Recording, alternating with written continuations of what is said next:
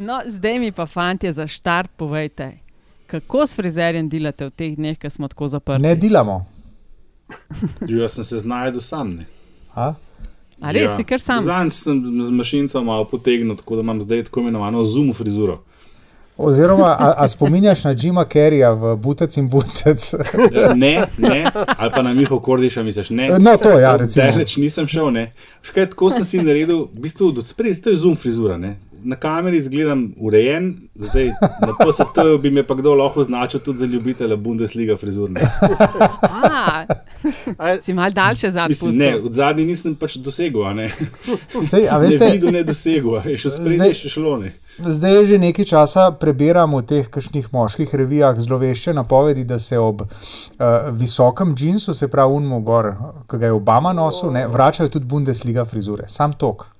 No, v trendu sem, je to dvojnem. Ja. 2020 je res kruto leto. Ne? Ampak zorko, glede, glede hlač si bil mogoče v trendu že nekaj časa. Ne? A misliš, okay, to vidiš štekata, ne? Nač, okay. Ne, pa ne, džinsa, ja, ne, ker se visok džins vrača. Ne? Kaj to, a ti misliš, kaj visok džins v smislu, da se od zgoraj, mislim, višji gor zapenja? Ja, da, da gre do. To so neke najne zgodbe ja. za otroštva. Da nekaj, jaz sem tik pred ne, leto dni po tega sem v Parizu uh, videl šok, ne, uh, da se vrača ta moda, da se poloveri, te sveteri zatlačeni ja, ja. Vse to je vse povezano, ne, mislim, grozovita. Ne, meni se zelo dopadajo bele nogavičke, se so tudi vrnile, če, ste, če niste še videli. Čakaj, bele nogavičke pa nikoli niso še iz mode. Najmanj, kar je okay. v nemških porniših, so ostale zavedno. A rečemo še kakšno v plaščih, ki spominjajo na šlafroke. Ajde, gremo delati. Toliko o modnih nasvetih ekipe LDGD. Stara bizarka. 206 ljudi je glasovalo. Uh, Hojs je bil dvojni nominiranec in dvojna zmaga. Um, Hojsan je med izgredniki 47 odstotkov, Hojs kot filmski kritik 35 odstotkov, potem pa šef Sove obvešča uh, premijer Janeza Janša 11 odstotkov in antiteoretiki o teorijah zarote 7 odstotkov. To je stara bizarka. Um, bomo šli znova v novo epizodo, ajde, aljaš. Pred nami je časna naloga. Poverite gospoda Hojsa, v kateri je ponudil odstop še zaprt. Če kaj, potem je to referendum o tem, ali slovensko vojsko sploh želimo imeti ali ne. Neke vrste zmenek rušiteljev temeljnih vrednot Evropske unije. Odkar sem odšel iz politike, vse na robu. Več afer, kot bodo sproducirali, bolj bom grizla in sekala. Lovke. Mi nismo ničesar plačali, tako da zagotovo ne gre za goljofijo. Te razprave ne bom nadaljeval, ker nisem neumen. Ker se je bi ga nekdo mora boriti za otroke. Osebno sem se danes testiral, čakam na rezultate zaradi preventivnih razlogov, da ne bo potem kakšnih dilem. To je LDGD podcast, ki nikogar ne podcenjuje in ničesar ne jemlje preveč resno. V imenu svojih najbližjih in v božjem imenu vas pozivam na lov. Uživajte, dokler lahko. Hvala lepa. Ja, to je podcast CLDGD, podcast, ki nikogar ne podcenjuje in ničesar ne jemlje preveč resno, še posebej ne politike. Vaši gostitelji pa smo Andraš Zorko Valikon, Antiša Korjan Primorske novice, Aljaš Pengovitenc Radio Chaos in Nataša Briški Metina Lista. In takoj na začetku vam seveda kličemo velik hvala za deljenje epizode, za investicije v naše vsebine in tudi za vprašanja, ki jih dobivamo in bomo uh, v tej epizodi spet na enega poskušali odgovoriti. Uh, še ena zadeva. Poleg tega, da smo na Apple Podcasts, pa na Google Podcasts, pa na Spotifyju, še Deezer je zdaj, ne? še tam smo, se wow. mi zdi. ja, to vse posod. Mislim, teh platform, oziroma teh baz, kjer lahko prideš do podkastov, je noro velik, mislim, ful se mi zdi. No. Ampak, ajde, smo, lej, kjer so uh, naši poslušalci, tam probamo priti s svojim podkastom. Um, ali ja, šteme za tokratno epizodo. 49. po vrsti. Uh, kaj smo rekli? Ne? Volilni kongres NSI za nami, Desus pred nami, uh, pa je Javčevo pismo ena tema, ne? potem referendum vojska. Ja. Uh, druga tema ne? in vprašanje, sam trenutek, da pogledam. Vprašanje enega od poslušalcev, Jrneja, kako bi v Sloveniji potekala korona kriza, če bi jo reševala levo-sredinska vlada, Janša pa bi bil v opoziciji. No, pa zdaj idemo zač začeti s kongresi. Uh, NSI se pravi za nami, tu ni edini kandidat, potrjen za novega starega predsednika, pred vrati Desus do Miklauža. 5.12. naj bi bil znan nov, uh, kot kaže, spet stari predsednik. Uh, kakšne misli imamo okrog tega in tudi pisma Rjavca? Je to pismo sam bodočega predsednika novega starega Desusa ali že tudi premijeja? Antiša. Ne vem, če že premijeja, vsekakor pa uh, nekdanjega predsednika, ki cilja na novo funkcijo oziroma nov mandat in se, ne, kar je mene uh, morda malce presenetilo, um, se na določenih točkah tudi posuva s pepelom. Uh, priznava napake, uh, priznava napake, uh, s čimer seveda uh, nagovarja predvsem tiste svoje člane in delegate, ki so mu recimo bratenje z Oranom Jankovičem v Ljubljani zamerili. Uh, tudi sam je menda ugotovil, da je stvar bila kontraproduktivna. Um, tako, precej v tem pismu, precej je um, direktno uh, obračunal svojo naslednico, z Aleksandro uh, Pivec, ne, ki se je potem kasneje tudi odzvala, kot zdaj že nekdanja članica, tudi, ne, tako da ne vem, se, zakaj se oglaša. Um, uh, tako da ne vem, pismo kot pismo, nanga uh, pismo, glede na to, da ni nagovorov in tako naprej na kongresu, je bila to v bistvu edina možna pot, po kateri se obrne na, na svoje članstvo, oziroma na delegate, niti ne na članstvo. Mene je v tem pismu presenetilo spominjanje tekovina Narodno-osvobodilnega vrata. Eh, če se po eni strani, kot ti praviš, eh, posus pepelom za tisti levi blok, sem pa jaz ravno na tem videl eh, vračanje k temu in sem bil presenečen na tem, glede na to, da je po tem neuspelem manevru desusu podpora padla za polovico. Uh, to umenjanje se mi zdi res tako, mislim, kje smo zdaj spet. Uh, eni so rekli, v redu, ne, desus je saj direkt, oziroma realec je saj direkt priznal, da je ideološka stranka. Ne po vseh teh letih. Ampak jaz mislim, da Desus v osnovi ne bi smela biti ideološka stranka, ker to je v, v izvirnem konceptu One Issue Party in tle ideologija nima kje početi. Če oni skrbijo za ta interes upokojenstva, pa ne more biti ideološka stranka, pa mora pač znati pragmatično paktirati z enimi in drugimi v, v, v, v tem končnem zasledovanju tega končnega cilja. Ne. Da, mislim, da ne, ne vem, če se res kaj veliko naučil. No. Zdaj, ko si, ko si omenil, liber, um, ko si omenil kako se reče, tekovine revolucije, sem se pa jaz spomnil še na eno stvar, ki je pa mene presenetila. Uh, in to je uh, tako nek kritičen osvrt na uh, uh, liberalni kapitalizem. Ne? On je rekel, da on, Desus ni stranka, uh, ki temelji na liberalnem ka kapitalizmu. Ne? Zdaj jaz ne vem, kaj točno je mislil, je hotel govoriti o neoliberalnem kapitalizmu ali o čem, ampak ta termin, ki me je do neke mere presenetil, ker nisem vedel, kaj čez dobro z njim početi. Uh, ker liberalna demokracija je nekaj, kar je utemeljila današnjo Evropo in svet. Kapitalizem je sistem, ki se je žali Bog uh, doslej izkazal kot uh, ekonomsko najbolj učinkovit, svojo ceno, seveda, ampak vendarle. Tako da ta liberalni kapitalizem, kaj pa vem, ne vem, kaj s tem pravzaprav početi. Oziroma, kaj ima čisto dobro v mislih. A sploh ve, kaj govori. Jaz ja. mislim, mislim, da on zelo dobro ve, kaj govori. Namreč, ne, a, ali je možno, da Karl Rjavc, človek, ki ima. Um, Ne glede na to, kaj se ne mislimo, in vsi dobro vemo, kaj se ne mislimo, uh, blazno veliko eksekutivnih izkušenj. Ne? On je bil v vsaki vladi od leta 2004 dalje, če me spomin navara. Uh, da razmišlja dva koraka naprej. Namreč, kaj se desusu dogaja? SAB in SD sta blazno zajedle v njegovo volilno bazo.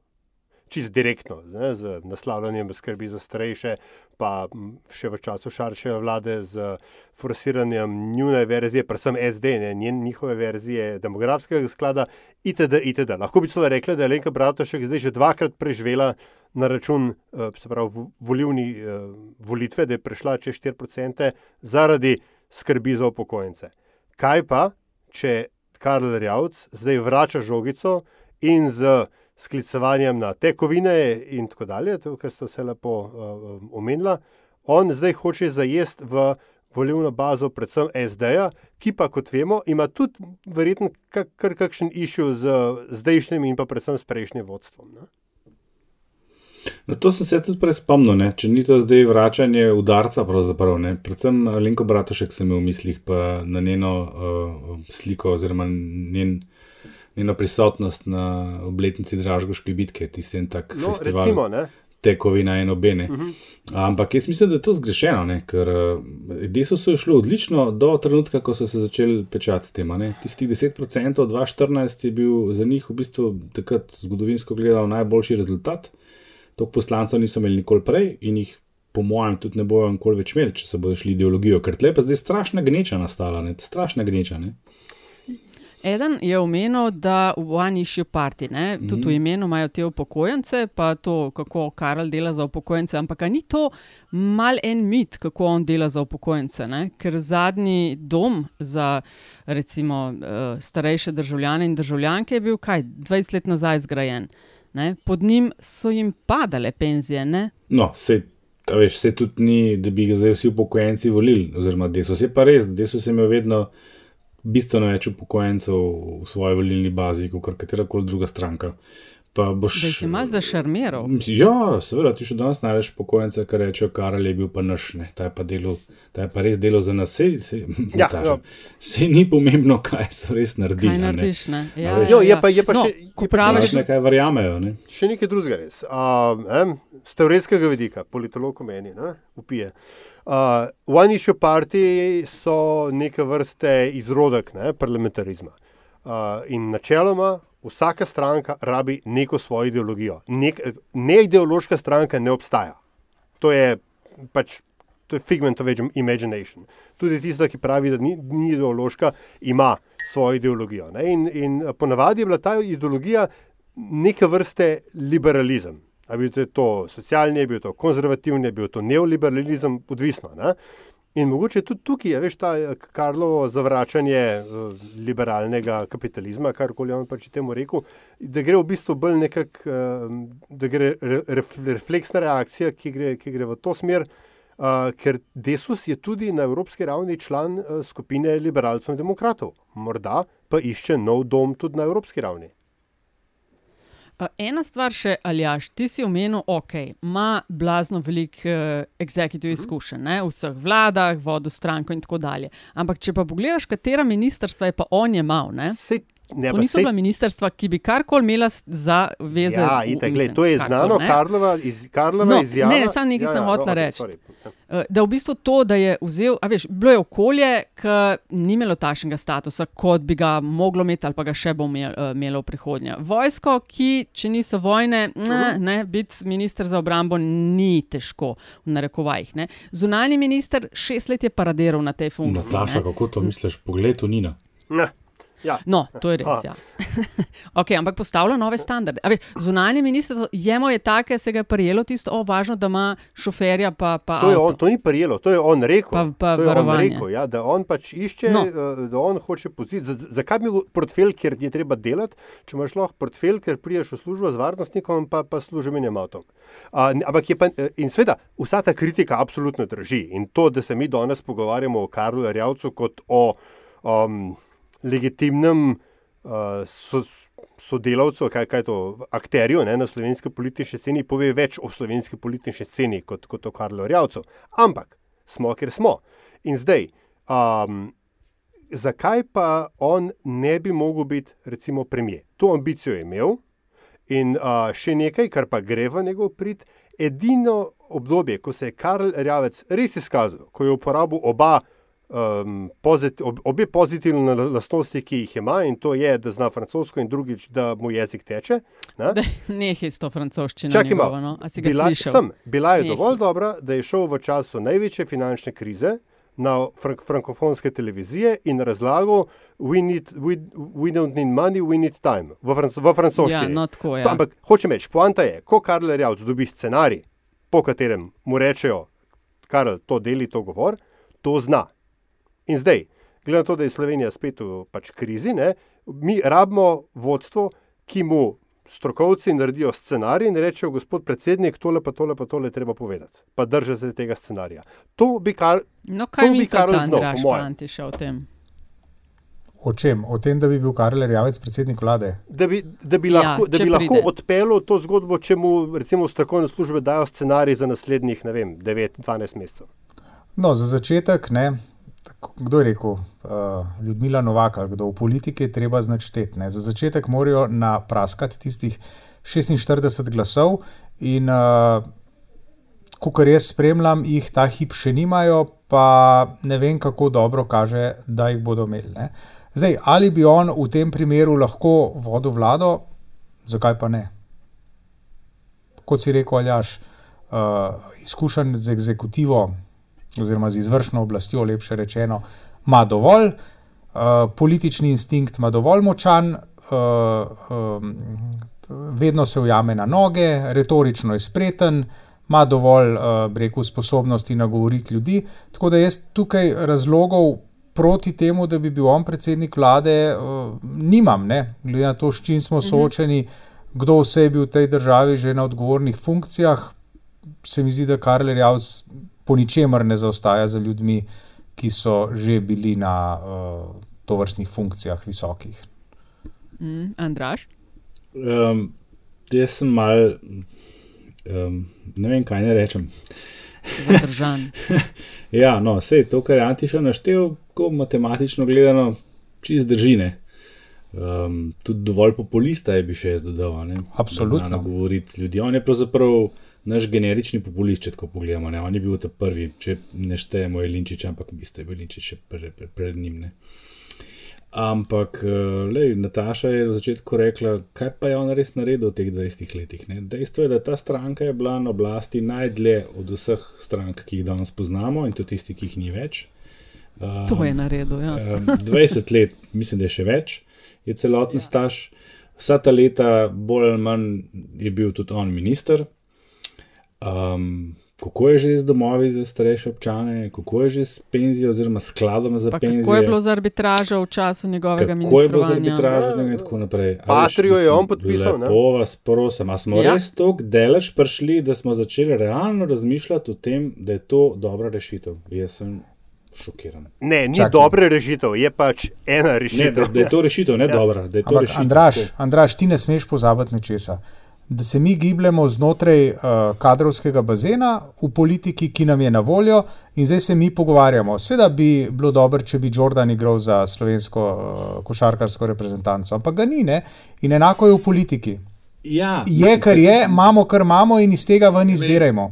Jaz se s tem ne bi niti prazno hotel sprijazniti. Dejstvo je, da že s tem, ko je Marjan Šarec postal predsednik vlade, so se kriteriji res spustili nizko. Zdaj, če bo pa še Karel Javec po nekem čudnem spletu na ključu to postal, pa kdo bo pa sploh res pa še hotel biti?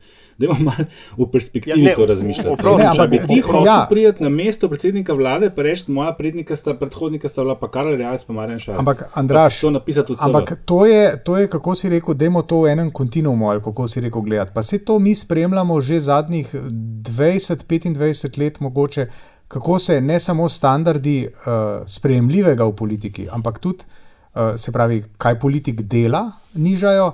Ampak se nižajo tudi šta, standardi, uh, kdo vse je primeren za uh, vsaj nominalno ugledne in pomembne funkcije. Ja, pa se tega Ne smemo vzeti za normo zdaj, ne, ne smemo tako normativo Se, spuščati. mi kot državljani se seveda o tem, uh, nad tem lahko škandaliziramo, ne? ampak v tem hipu mi recimo, da gledamo tako z enimi drugimi očmi in ocenjujemo to, kar se dogaja. In to je pač to, ne? zdaj v tem trenutku se s tem moramo sprijazniti, vsaj do leta 2022, če ne bodo volitve prej. Zdaj pa, ali lahko pričakujemo, da bodo uh, na volitvah uh, 2022 se košarkarsko iz leta 80, 80 let rečeno spopadli Michael Jordan, Magic Johnson in ne vem, Charles Barkley, se bojim, da se to ne bo zgodilo. Pejmo na drugo temo, gremo. Ja, ja, ja, ne, ne, A, ali bi še kdo kaj dodajal? Eno vprašanje, ali ni to, to glasovanje za predsednika Desosa že v teku od sobote? Je, ja. Je. Možno. Ja, ne, ta se Je. pa konča. Uh, Ne, petega, da tako je, znano. ja, ja, Ja, ja. po- koliko enega Ja, manevrskega ja, za Miklauža. a veš kaj, pošta deluje, ne? Ja, ker je, ker je kongres je čisto po pošti. ne. Tako da- Ja.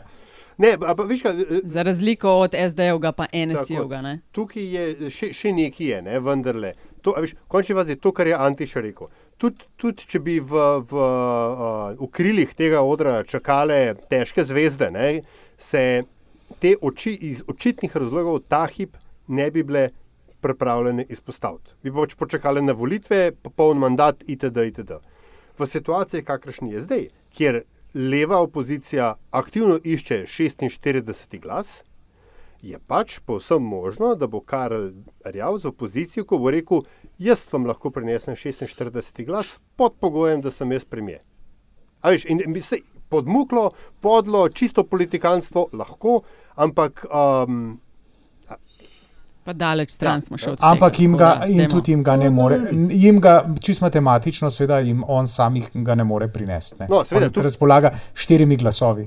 Ja, ja, no, ampak ja. seveda, samo Dokler hočem pripelje zadevo na 43. Ja, ne. samo, ja. A, veš, zdaj pod pogojem, da bi bile tukaj, recimo, da bi SMC šla na dva, ko, na dva kosa, ne, da ne, ne, nekako je domneva, da tudi če bi se pridružili zgodbi, da ne bi šli vsi, ne, je pač Karel Rjavc potem, oziroma Desus, edina stranka, ki jo pro forma ne, nekdo prepele uh, uh, nazaj v Kaj kaj pa je Linčič? Jelinčiča, mislim, da Ali se je njemu problem še enkrat Ne bo-? Ne, ni samo problem, samo Jelinčič je Ne bo samo problem, ko bojo jih imeli že 46. Tako, pa- Do 46 pa ne bo on Pa potegnil. predvsem je preveč pameten, da bi pa on hotel biti karkoli resnega v kateri koli oblasti. Referendum.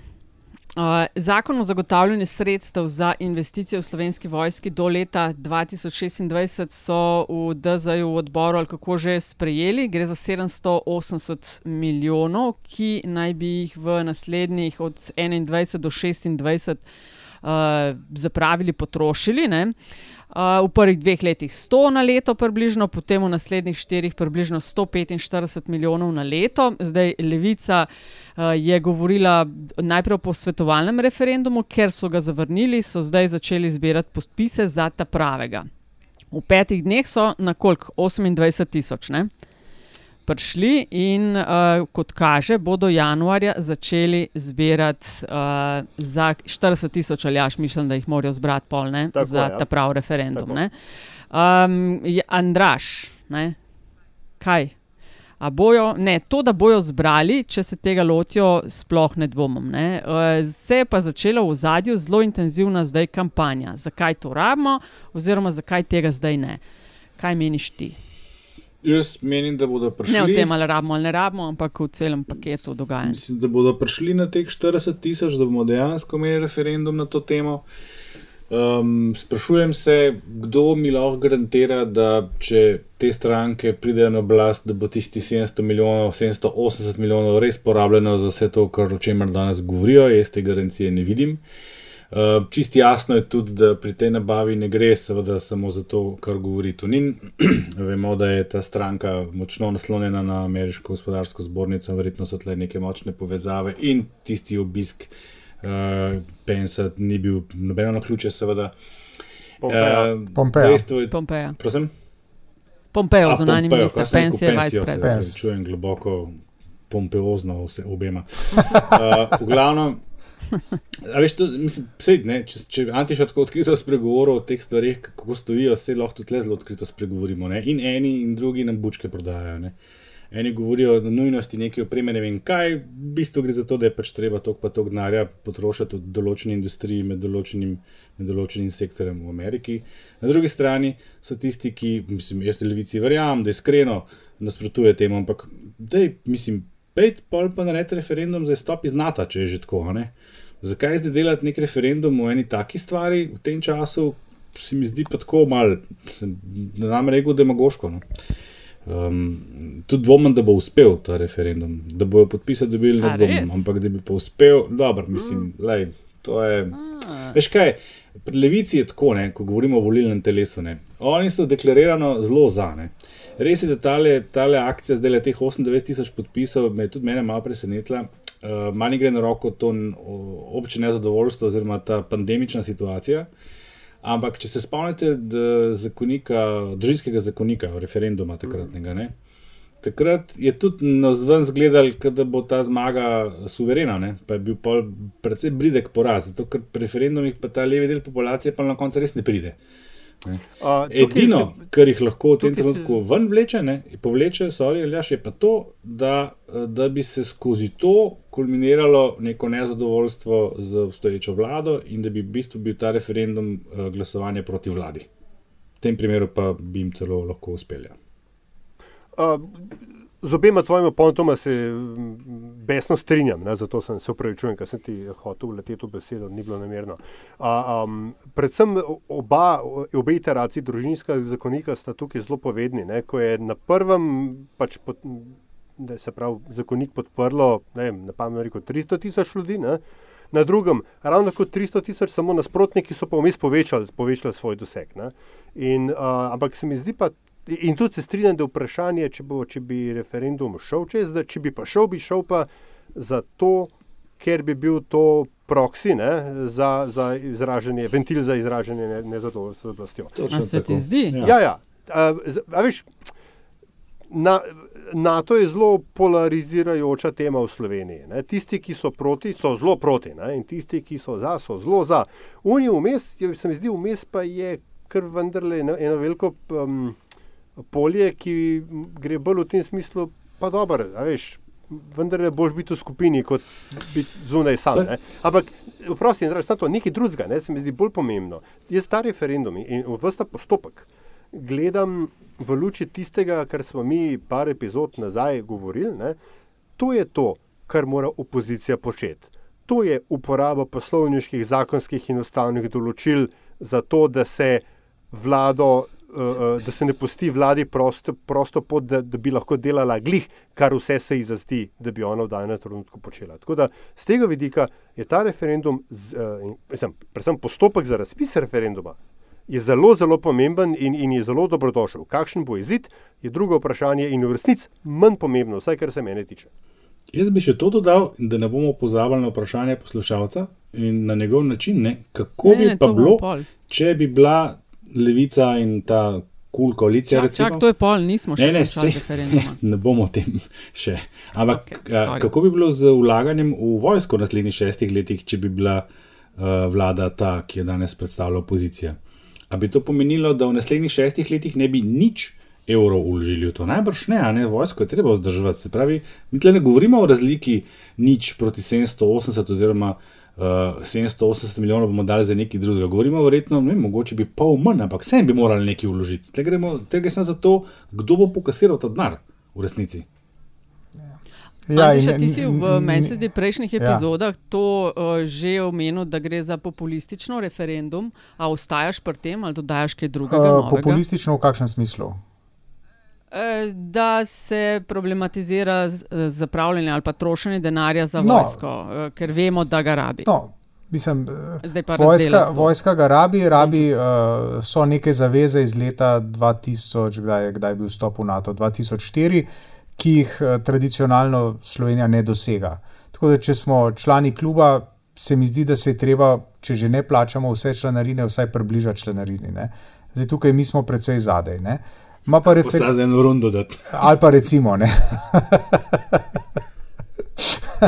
Uh, ampak uh, um, se mi zdi pa pri tej, pri tej zgodbi o referendumu, ki je sicer čisto legitimna oblika ne, političnega boja, uh, se, mi zdi, se mi zdi tako ena taka zgodovinska ironija, ne, da zdaj faše referendum v tem trenutku ravno vlada, v kateri je vodilna stranka, se mislim, da sem to tudi že kdaj povedal, ki je se v veliki meri zgradila na vprašanju referenduma. Jaz bi spomnil ponovno, o čem vse se je v tej državi že odločalo uh, uh, na referendumih. Začenši s termoelektrarnami in dostopu, dostopom do arhivskih gradiv. Mm. -hmm. Mislim, k- kdor je tisti razumel o arhivskem gradivu, iskrene čestitke. Ne?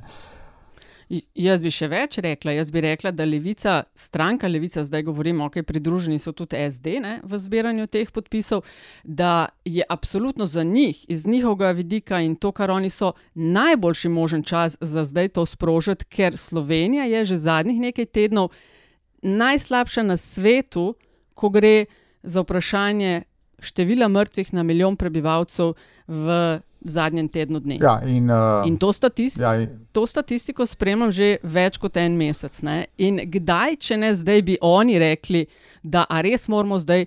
Toliko denarja dati za vojsko. Pričemer, niso, mislim, da ne govorijo o tem, da bi se to povsem odpisalo. Ne?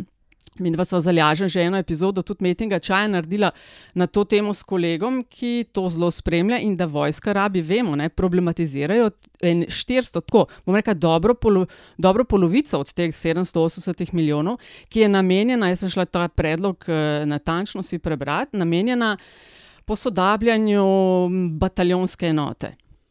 Karkoli vi boste vedeli, kaj bataljon je, skratka, nova. Tipa ne. Kot da niste bili v vojski. Hočeš reči, gre, gre za ne tanke. Um, evo, tanki, to je laž. O tankih se ne govori ja. noter, ne? govori se o bojnih vozilih, pri čemer bi rekla, da bo mogel Tunin, ne vem, če ste ga uh, poslušali in gledali v studiu City, bo mogel mal razdeliti ti talking point, s katerim je naskočil uh, prvaka oziroma koordinatorja Levice meseca, češ, a je to bojno vozilo. ja. Pa je pokazal na, lej, to je tako, kot veš, a je tisto, kar imamo na kolpi, uh, bodeča žica ali je tehnična ograja. Ne? Reče lahko temu, kot če tisto vozilo je za zaščito specialcev na vojnih območjih. To ni vozilo, ki ga greš v sosednjo ulico kupiti, zato da ga se imaš za odpeljati na piknik na Cerkniško jezero. Ne? Ja, bojno vozilo je to. Ne? Tako da 400 milijonov problematizirajo. Ja, pa še, pa viš, pa spet, ne, treba se vrniti na Toninovo prvo izjavo, ko je Levica napovedala možnost tega referenduma, ker je rekel, no super, ga podpiram. Ja, Uh, se bomo končno odločili, kaj smo z vojsko. Da jim najprej pomisli, pa pa reči, oziroma če nekaj rečeš, potem ostane. Ker zdaj izgleda, kot da je to nin v defenzivi. Ne? Uh, jaz bi tukaj. Uh, ja, jaz mislim, da so oni obljubili neki nekomu, ne? je zdaj malo panika. Ne? Ja, a, je bi ga sad, veš, pizda. Ker aljaš, ja. mene zanima, a si oni lahko, oziroma sveda si verjeten lahko, zmislijo. Jaz vidim tri opcije klele.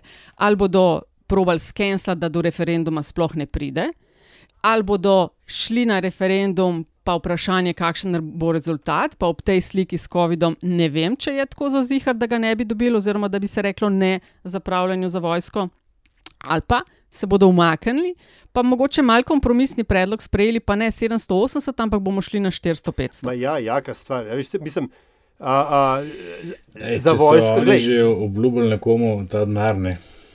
Aha, misliš, da bo šli Ja, mojem s se glavo no, mislim. naprej. Gle, edini, ki so mu ga lahko obljubili in ki bi lahko o, aktualno vlado jebal v glavo zaradi tega, je Viktor Orban. A? Ker, a veš, kle, me, to, to, da se kupuje ameriška oprema, to, mislim, od koga boš pa pol kupil? Lahko sam še nemško kupiš, v končni fazi, ne? pa, pa italijanske helikopterje. No, Teh proizvajalcev ni toliko na tem svetu. imajo tudi skoraj v redu stvari, kako rečem. Ja, v redu, jebi ga, ampak Angleži so zdaj ta grdi. Pa veš. francozi tudi verjeten kaj, ne? Vem, ampak kako, pa Rusi. Pa Izraelci, od Izraelci tudi znajo, ja, ne? Od Rusov se ne Ja. kupuje. Mislim, koliko imamo idej, le, kako bi mi ta denar hitro Mater, potrošili. lej, vidiš, ne bi Spiskal sil- ta denar.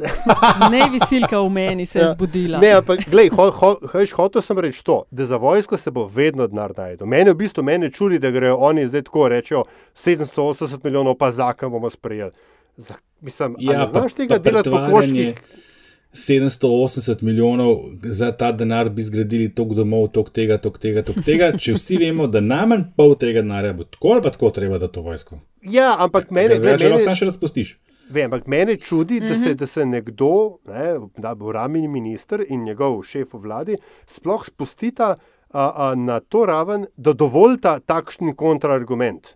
Kval, a, a ni noben se usedel, no, pa razmišljal, rekel, fanti, kako bomo teh 780 skomunicirali. A nimajo oni nekih blaznih gurojev neuromarketinga okoli sebe? Zato to počnejo v času, ko imamo vsak dan dvakrat toliko mrtvih, ki jih je v celi No. no. desetdnevni osamosvojitveni Ja, vojni umrlo na tako, slovenski strani. Ne, a veš, in še Vsak to. dan. In, in Ja. tukaj na tej točki je treba, po mojem mnenju, uh, citirati um, Megafotra, poz- va- pozabil sem, ko se piše, Vasja in ustanovitelj Viberata, ne, ki je rekel, ne, mi se ne, ne, ne smemo pogovarjati, ali je investicija upravičena ali ne. Seveda je.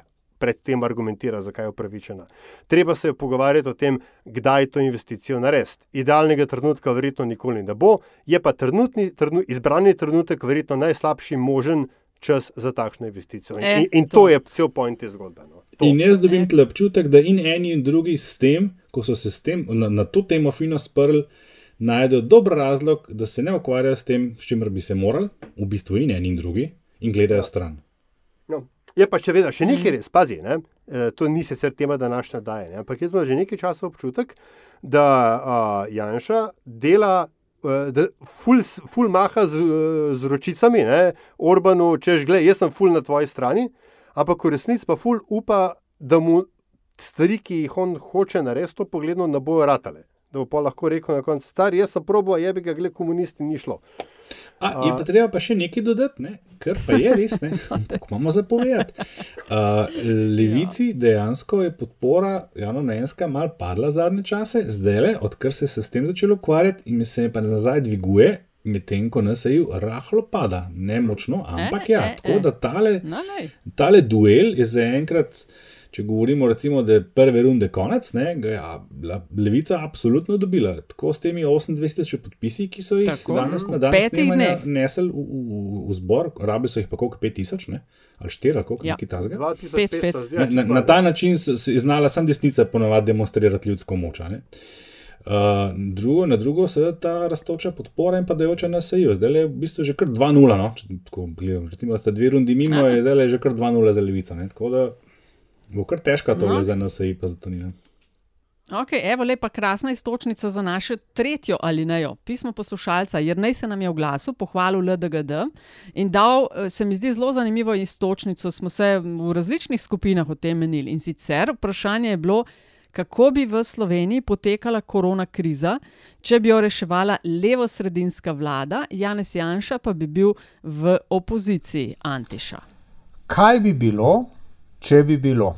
Ne, to je včasih moja priljubljena tema, tudi si predstavljam kakšne filme na to temo ali pa knjige. Ne. Kaj bi bilo, če bi bilo, ali pa če ne bi bilo. Uh, Jer naj lepe pozdrave in hvala, ker nas poslušaš.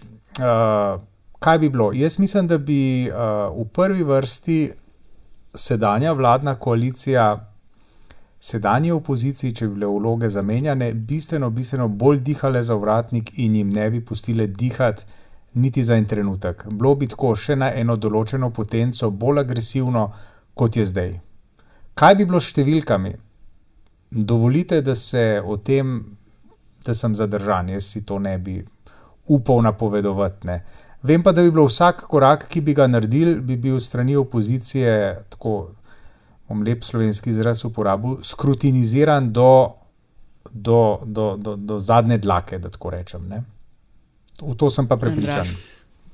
Ja, jaz sem to isto vprašanje pred časom že postavil na Twitterju, mm, kar nekaj časa nazaj.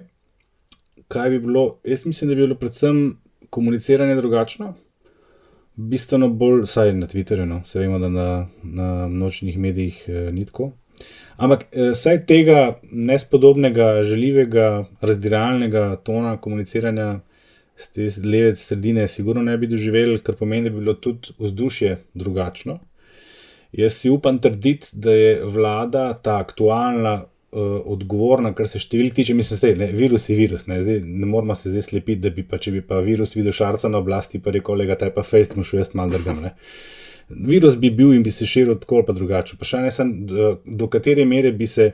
Eh, recimo ta druga neka vlada lahko pripravlja čez poletje na ta jesenski udar, oziroma kako bi ravnala uh, na dnevni ravni. Um, včeraj smo še enkrat prebrali eno novico, ki je že pred časom prišla ven, da je HU leta 2017 upravil analize vseh zdravstvenih sistemov v Evropi in da je Slovenija dobila eno najslabših ocen, kar se tiče pripravljenosti na morebitno epidemijo nalezljivih bolezni. Leta 2017 in predvsem so opozorili na katastrofalno stanje uh, v pogledu digitalizacije. Uh, Eh, očitno se v tem času ni zgodilo nič, v tem času je bila na oblasti levo sredina. Se pravi, nimamo nobenega, nobenega argumenta, s katerim bi lahko rekli, da bi ta vlada ravnala kakorkoli drugače. Ne? Če niso v tem času, ne vem, mogoče jih niso niti obvestili, ampak čist v predalu najbrž to ni ostalo. Uh, mm. Druga stvar je pa ta komunikacija. Uh, tle pa vidim odgovornost. Ta, ta del odgovornosti vlade, da ni bila pripravljena, da se ni pripravila sistema za sledenje okužb, da se ni pripravila sistema za vnašanje podatkov, s katerimi bi lahko detektirali in razumeli širjenje in ga omejevali tam, kjer ga omejuješ lahko, ne pa na pamet, ne, z nekimi ukrepi, ki so potegnjeni iz predala čisto na pamet, do besedne in do te mere so tudi učinkoviti, torej 50-50. In dokaz za to so seveda zadnji tedni, ko se na kljub samo slika ne spremenja, ampak se ponovno slabša. Uh, pa, by the way, jaz mislim, da nam prikrivajo prave številke, pa to zdaj ni neka teorija zarote. Uh, kaj da je več? Ne, ni, da je ni, več ni. Jaz mislim, da, je, da, jaz mislim da, ne, ne, prikrivajo s tem, s tem nekim nastopanjem, uh, vse gre počasi na boljši, nič ne gre na boljši, ne, mislim, Aha. da gre na slabši. V glavnem, uh, mi tudi ta plan z božičem veseljem je že, je že piši kuči, kuči propalo, ki so ga imeli v osnovi. Druga stvar, no, uh, Uh, jaz, jaz mislim, da po tej plati uh, pripravljenosti ne bi bilo nič drugače. Da zdaj zelo konkretno odgovorim na vprašanje. Drugo je pa, mm. kakšno bi bilo pa ravnanje ljudi, uh, uh, glede na to, kako bi ta vlada komunicirala. Jaz mislim, da je ta vlada z tem svojim razdiralnim pristopom, z obteževanjem, z iskanjem krivcev, pa tudi s precej neposrečenimi nastopi, predvsem Jelka Kacina, takrat, ko še ni dojel, kako resna stvar je, takrat avgusta, recimo, nekje, pa sploh na začetku. Mislim, da so bile te, marsikatere te izjave povod za neko kontravedenje. Jaz mislim, da danes en del populacije deluje kontra, uh, oziroma na nek način izvaja državljansko nepokorščino na način zanikanja resnosti situacije, negiranja ali pa celo namernega nespoštovanja ukrepov. Ne? Imeli smo več mm. raziskav na to temo, od tega, da, da ti v eni anketi tretjina ljudi prostodušno prizna, da ne upošteva ukrepov, do tega, da imamo nekje polovico ljudi, za katere imamo na sumu, da v bistvu počnejo vse to, kar se ne bi smeli, eh, oziroma kar ni priporočljivo. Se pravi, da se, da se družijo na delovnem mestu, da se družijo doma, da hodijo na obiske in tako naprej. Eh, prejšnji petek smo dali skupaj z mladimi zdravniki, pa z sledilnikom COVID-19, prve rezultate ven, jutri pridejo še novejši, kjer se lepo vidi, koliko velik delež ljudi hodi, še vedno služba, pa mu ne bilo treba, koliko ljudi hodi na obiske. In to ne samo eno drugo gospodinstvo, govorimo o obdobju enega tedna, samo za katerega smo sprašvali. Skratka, tle je neko vedenje, pa ne, pa ne govorim samo o tistih teoretikih zarot, te bi se pojavljali v vsakem primeru, ne glede na to, kdo bi bil na oblasti. To se pa zgodi, ko se ljudje soočamo z neznanim, z nevarnim, pa če en del ljudi odreagira na tak način. Ampak to kontravedenje, jaz vidim tle dejansko en delež populacije, ki na ta način izvaja neko državljansko nepokorščino. Ne. In tega pa, po mojem, ne bi bilo, no, če bi bila leva sodinska oblast. In mm. to pomeni, da bi bilo samo zaradi tega neki manj okužb, sigurno. Uh, mm. Jaz mislim, da se en, ne vem, Martinove zabave bi se dogajale glih tako. Um, vprašanje je, če bi ta leva sredina, po mojem, ker je pa vendarle bolj uh, svobodno usmerjena, če bi šla v tako restriktivne ukrepe, uh, prepovedi zbiranja, pa zapiranje lokalov. Jaz mislim, da bi bolj sledili temu švedskemu modelu. Um, če bi bili dosti pametni, bi jih lahko mogoče celo nekaj časa še imeli odprte, švedi tudi že zapirajo počasi stvari. Ampak, veš, to kontravedenje, zdaj imaš ti dejansko underground zabave, to je dejstvo.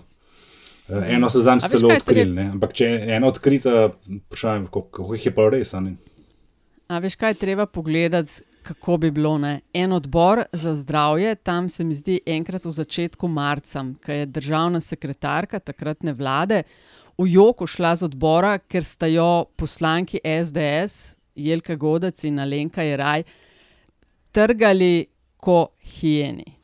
V Joku je šla iz tistega odbora. Tako da se strinjam z vama obema. Jaz mislim, da bi o kakšni konstruktivnosti ne bi bilo govora da bi vse čas poslušali, kdo bo to plačal, da bi držali eno tako Trump linijo. No, to, da, veš, to, to, ni ne, tako, to je vprašanje. Da ni tako težko, da ta brutalnih nekih napadov na medije skoraj zihar ne bi bilo, da na mednarodnem odru povezano vse ne bi bilo tega, kar je bilo.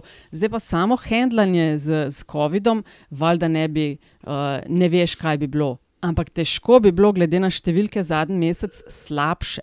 Na svetu smo najslabši. Kolegica, ki dela z temi najhujšimi uh, okuženimi s COVID-om, je pred mesecem nazaj mi rekla: Mi bomo Bergamo, mi smo danes Bergamo. Tako da težko bi bilo slabše. Evo.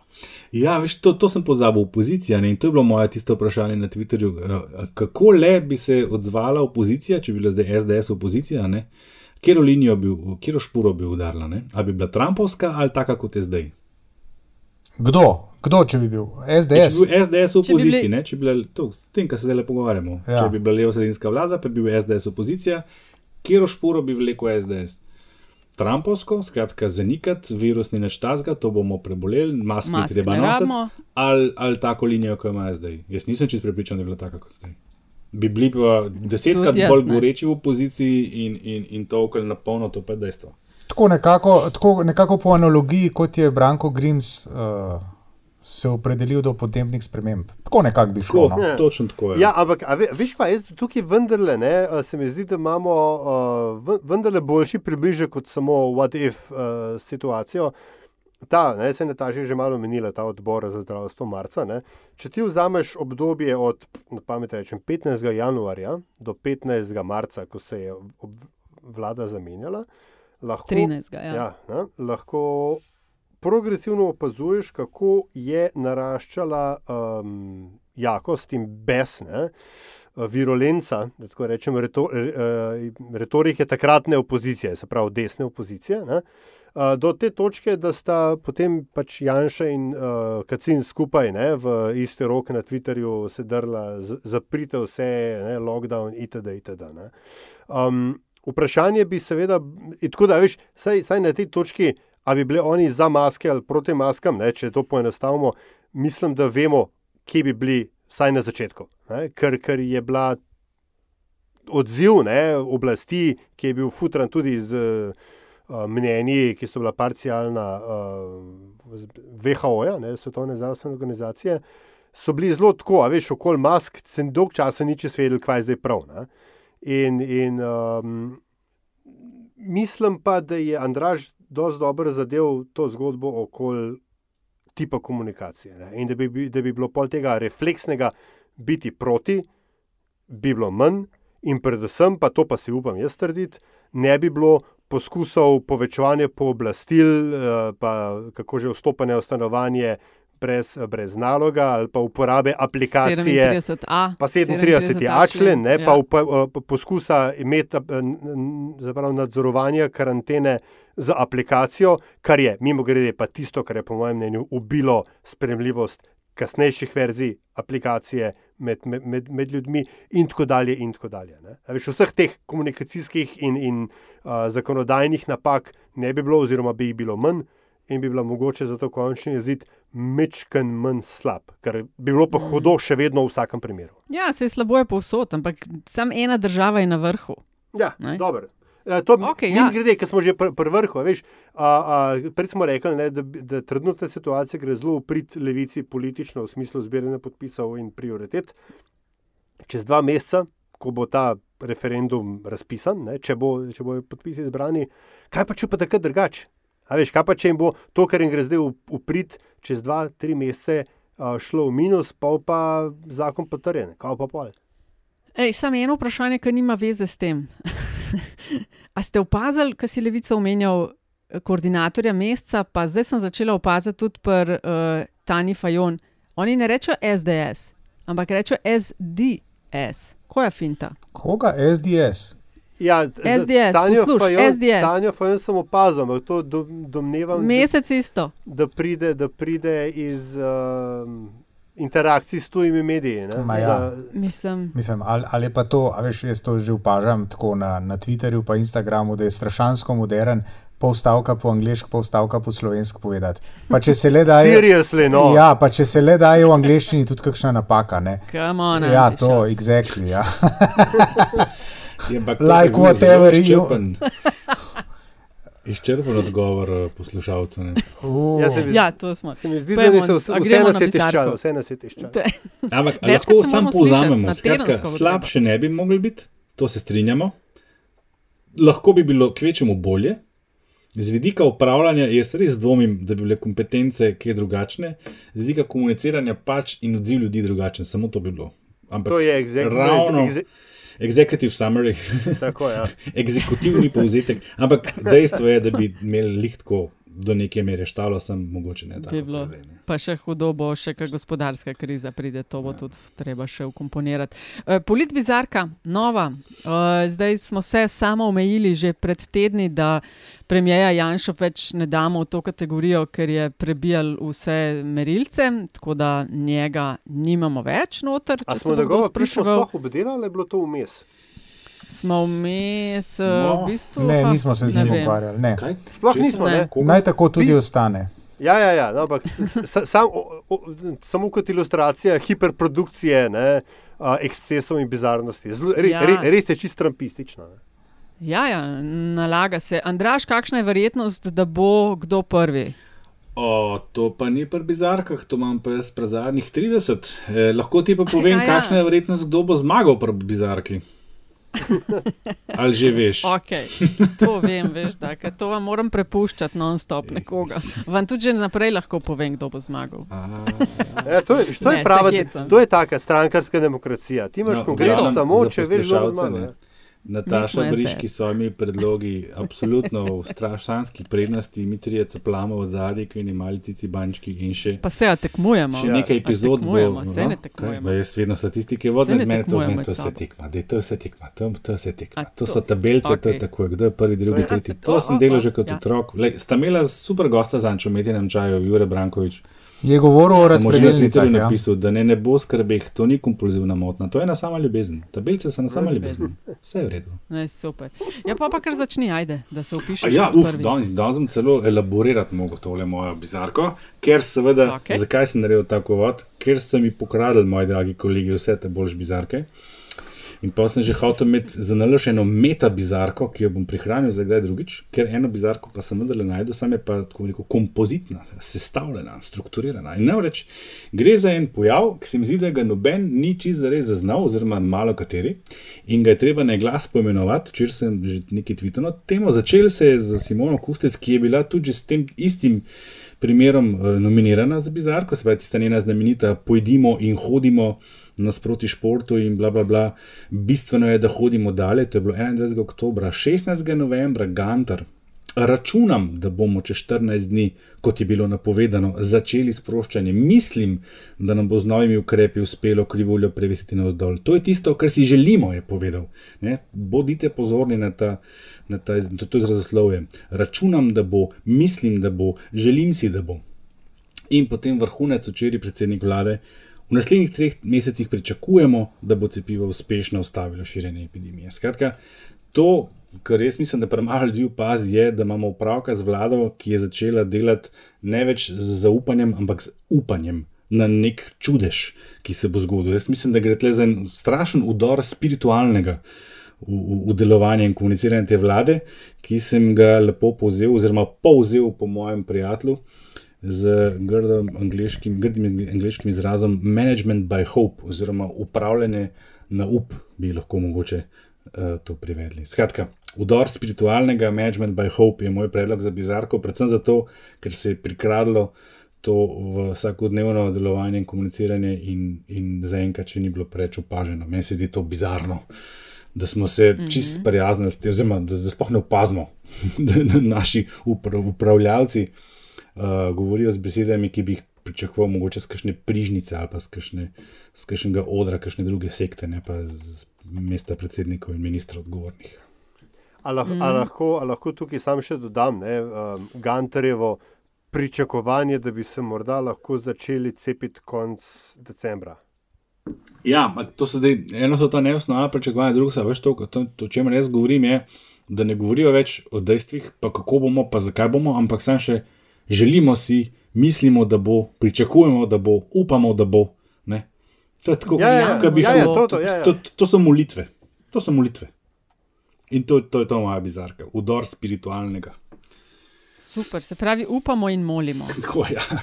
Thoughts and prayers. Thoughts and prayers, ja. Um, kdo bo potegnil? Bom jaz, bom jaz, ker sem že prečisto navdušen nad, nad uh, mojo, mojim odkritjem. Uh, Ni bilo moje, pač nekdo mi ga je eh, serviral na timeline. Skratka, veliki, eni in edini in neponuljivi Boštjan Marijo Zopančič, ne, ki je, Oh. ki je iz, ne vem, mislim, jaz ne vem, kaj ta človek je, oziroma če se ne je, pa bi moral.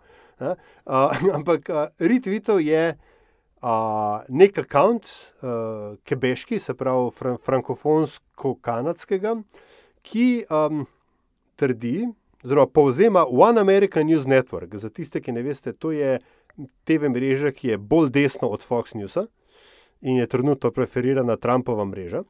Uh, skratka, um, BMZ ne, potem povzame uh, v tvitu.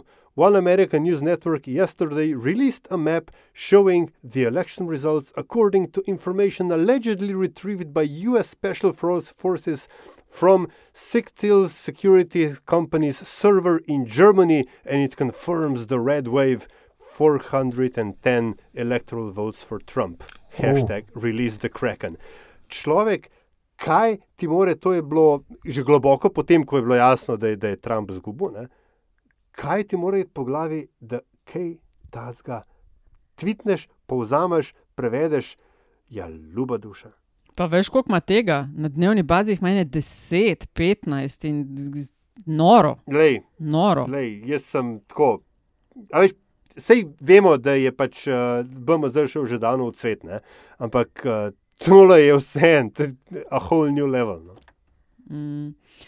Ja, jaz pa, Antiš, ali želiš ti? Uh, kar izvoli, Nataša. Ja, no, jaz bi pa nominirala ta grozljiv, nespoštljiv, nesramen napad reperja Zlatka, ki je s prijateljem iz zasede naskočil šefa NJZ, dr. Kreka, in ga začel spraševati uh, o krizi, zalezovati brez maske, brez razdalje, uh, da je očitno malo narobe ocenil situacijo, zelo malo je sicer sledilo upravičilo, če sem ga užalil, uh, ni bil moj namen in bla bla bla, ne če si ga.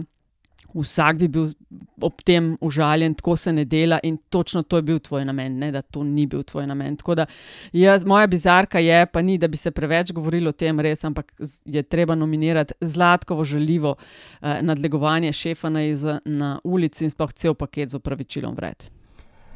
Tega ne komentiramo, smo rekli, bizark, ne?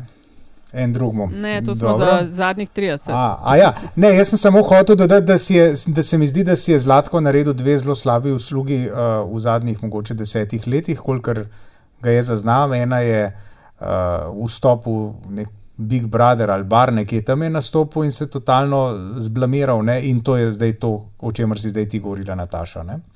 Mm. Glasbenik, ki mu ne gre odrekati, uh, ne, preko nekih kako, kvalitet, da tako rečem, ne? Ampak tole je pa čez vsako mero. Mm, jaz sem hotel samo to pre, prezlatko to, a veš. Um, je bi ga zlatko, svet ni vedno lep, ne? Um, ampak uh, je pa ena stvar. On je v tistem svojem upravičilu rekel, da je ugotovil, da novinarsko delo ni zanj. ne. Ja, no, še tako, za novinarja mislim, se je ono, postavil, še to, ja. Je bi ga, brate, stvarno. a Veš, mislim, uh, končno, vsaj mogoče več plus tega, ne, vsaj nekdo, ena oseba na tem svetu, zdaj končno ugotovila, da to, kar počnemo, širše rečeno, mi in predvsem naši kolegi, ki hodijo po terenu in, in so dejansko včasih nosijo glavo v torbi, da to ni čist job za vsakega in da tega res ne zna vsak početi. In, in tako, evo. Um, Tisti nima veze z novinarstvom. Ja, ja, to, tako, tako, veš, tako da prosim lepo, no, končno, saj, saj nekdo, da je to dojel, ker seveda je bilo pa cel kup, uh, uh, zaradi tega izpade, je bilo pa cel kup uh, whataboutizmov, ne, se pravi, vsi so iz tizmov, češ, kako zdaj pa levi mediji ne poročajo o zlatku in ne vem kaj, pri vseh ostalih prioritetah, ki so pa res, ki zadevajo pa vse nas, ne samo uh, šefa NJZ-ja, ki je, ki je poniknil iz tega ali onega razloga. Ne. In zakaj A, gre? Ja. Ne? Zakaj gre tle za udor resničnostnih šovov, oziroma forme resničnostnih šovov, ki so bile do zdaj varno zaprte na določenih kanalih, v določenih terminih ali pa na določenih eh, skupinah, v določenih skupinah in družbenih omrežjih, na teren ne? in v glavne medije. To je ja, tisto, kar je tle katastrofalno. No, jaz mislim, da glede na količino komentarjev, uh, zmagovalca že imamo, pa kljub temu ne, bom jaz kot bi, uh, mojo bizarko, svojo bizarko izpostavil um, skrb notranjega ministra za duševno zdravje konzervativnih babic v narodovem telesu. Namreč, uh, ko je bil vprašan na enem od uh, socialnih omrežij, kaj pomeni, nu, zakaj, kateri so ti nujni razlogi ne, za uh, nujne poroke, je gladko odgovoril, da to so primeri, da ne bo treba konzervativnim babicam razlagati čez toliko in toliko mesecev, da je otrok, kako je rekel, nezakonski. Nedonošenček. A nedonošenček, ja, se upravičujem, nedonošenček. Ne. Tako da, uh, gospod In minister. To na dan objave našega, naše epizode, v kateri sem jaz jasno in glasno povedal, da zahtevam veto na Hojsa v naslednji vdaji. Bo tudi potreben. Lej, ja. kaj naj ti rečem? Včasih je realnost močnejša od naših želja. Uh, gospod minister, res hvala v imenu uh, vseh babic, posebej konzervativnih, hvala za skrb za njihovo zdravje, duševno. Tukaj, tukaj je, je treba sam pridodati uh, link ne, na kolumno od Borisa Dežuloviča v sobotnem dnevniku, kjer je pač to pogledno Aleša Hojsa razmontiral kot katarco. Ne. A katerco se izi razmontira? Ne, ne, ne vem, najprej pa fičo ta. To, to ne veš, kako se katarca odpre, pa se z njo odpele, pa zapre, pa me načne upas. A si imel? Ja, eno kratko obdobje, blazno sem užival. Ja, neč pejmo pa še na zadnjih 30. Ne? Jaz bi se sam javljal, da bi bila na koncu, če gre. To si že statistično, tako da ti ni treba. Jaz se pa javljam, da sigurno se ne bom oglasil pred Aljažem pa Andražem. No, prav, pa, pa bom, evo, bom pa jaz prvi, tako da bo A, statistično. to, to, a što bilo pa zdaj nekaj novega, da bi bil Aljaš prvi, ker drugače Antiša z letnim skokom vodi. Ne? Pa se zato, No, ampak- zato prav, se grebe, prav grebe se on za to prvo mesto v zadnjih 30. Enkrat za spremembo sem se pripravil. veš. Ja. Skratka, a, vsi tisti, ki imate otroke ali imate še otroka v sebi. Um, The Ikabog je uh, roman za otroke in mladino izpod peresa J.K. Rowling. Um, fantazijska zgodba o resnici in zlorabi uh, moči, ki je bila um, uradno izdana, v bistvu, ja, šele novembra, zdaj, tako, ampak od, od, od uh, poletja se govori um, o njej. Um, moj otrok je to prebral, uh, super je, uh, toplo priporočam tudi za odrasle, ki bi radi, da vaši otroci dobre, dobre stvari berejo. The Ikabog, J.K. Rowling, to je to. v prevodu še ni sklepam, da. Um, si me dubu, najbrž ne. Bom kar jaz nadaljeval. Uh, tole sem se domislil tik pred dobesedno. Uh, včeraj smo zvedeli, da je slovenski celočerni film Kapa prejel več kot pol milijona evrov na filmskem skladu v Luksemburgu. Uh, scenarij za ta film je napisala ena moja zelo dobra prijateljica, Saša Eržen. Uh, ta bi, ta, ta, teh zadnjih 30 bi skoraj mogoče sodel tudi v bizarko. Uh, namreč film bi mogel tudi v Sloveniji že zdavnaj dobiti sredstva, ker je že bil potrjen za realizacijo, ampak ga še niso začeli snemati, ker kot vemo, vsa sredstva za filmsko industrijo še vedno stojijo. In minister Hojs je tudi o tem spregovoril pred kratkim. ne. Kaj pa zdaj tle ironija, ne? je pa to, ne, da gre za prvi slovenski božični film. In res si ne bi mislil, da bo pa točno ta vlada tista, ki bo s svojim nekulturnim, nespametnim nedejanjem v tem primeru, ker pač ne naredijo ničesar, ker je že vse podpisano, preprečila začetek snemanja prvega slovenskega božičnega filma. In Saši čestitamo. In sem pri besedi jaz. Uh, danes, ko to snemamo, se pravi, to je četrtek, je uh, v sklopu primorskih novic izšel en zelo lep projekt, uh, ki ga vsaj našemu poslušalstvu z primorskega konca Slovenije toplo priporočam. To je priloga na 24 straneh, mislim, da je 24, ki uh, v precep oziroma pod lupo jemlje po polovici županskih mandatov, kaj so storili, kaj jim je uspelo, kaj so obljubili, kaj jim ni uspelo. Um, kvalitetno, kakovostno, kvalificirano branje o dogajanju v zadnjih dveh letih na primorskem. Priporočam branje. In še mojih 30, eh, samo enkrat v življenju se ponudi takšna priložnost, in da se upada z objavom epizode LDGD, zato sem jo zgrabila z obema rokama. Za trenutek naj odloži mikrofon naš dragi Ata, Pengovski po domače, ki Oj, kako pripravno, ravno na dan objave te epizode podcasta obhaja galaktičen rojstni dan. Vsi prijatelji in prijateljice iz domovine ti pošiljamo koš poljubčkov. Čestitamo tudi politologu in pravniku, ki prebivata v tebi, kličemo še na mnoga leta in ti podarjamo naslednjo melodijo. Vse najboljše za tvoj rojstni dan, prijatelji želimo. Vse najboljše za tvoj rojstni dan in pa srečen bod. Naj ti bo sonce obsijal, vsaj nekaj naprej ostane veme, ko si upravičen, nesrečen in sam. Misli pa štrik v ti beže. Zdaj me pa za mikrofon ponovno poprime. Vse najboljše, ali Vse sem bil res presenečen. no. Sam res, vse najboljše, stari. Meč, ki sem ganjen ali vidjen ali karkoli. 42, Glej. a si- a si a se spomniš, da so bila mi 42? Ja, nekaj časa je že od tega. Ja. Deset let nazaj. Ne, deset, ampak malo manj kot deset. No. Ne, to, uh, takrat, ki bi mogel biti eh, konec sveta, pa, s- pa smo zdaj ugotovili, da, da je nekdo na robe prebral tisto letnico na majskih zapisih, da ni bilo 2012, ampak 2020. Ne. Eh, Skratka, ekipa, uh, hvala. Uh, presenečen, res, uh, ker jaz pa moj rojstni dan ne greva gliza skupaj, jaz to ponovadi me drugi spomnite. No. Anyway, uh, častim, ča, častim takoj, ko se vidimo. To je bil LDGD, podcast, ki nikogar ne podcenjuje in ničesar ne jemlje preveč resno, še posebej ne politike. Hvala, ker nas spremljate. Če boste epizodo delili, eh, da bo do vsebine prišel še kdo, za katerega mislite, da bi ga utegnila zanimati, pa res lepa hvala in eh, se slišimo k malu spet. V decembru.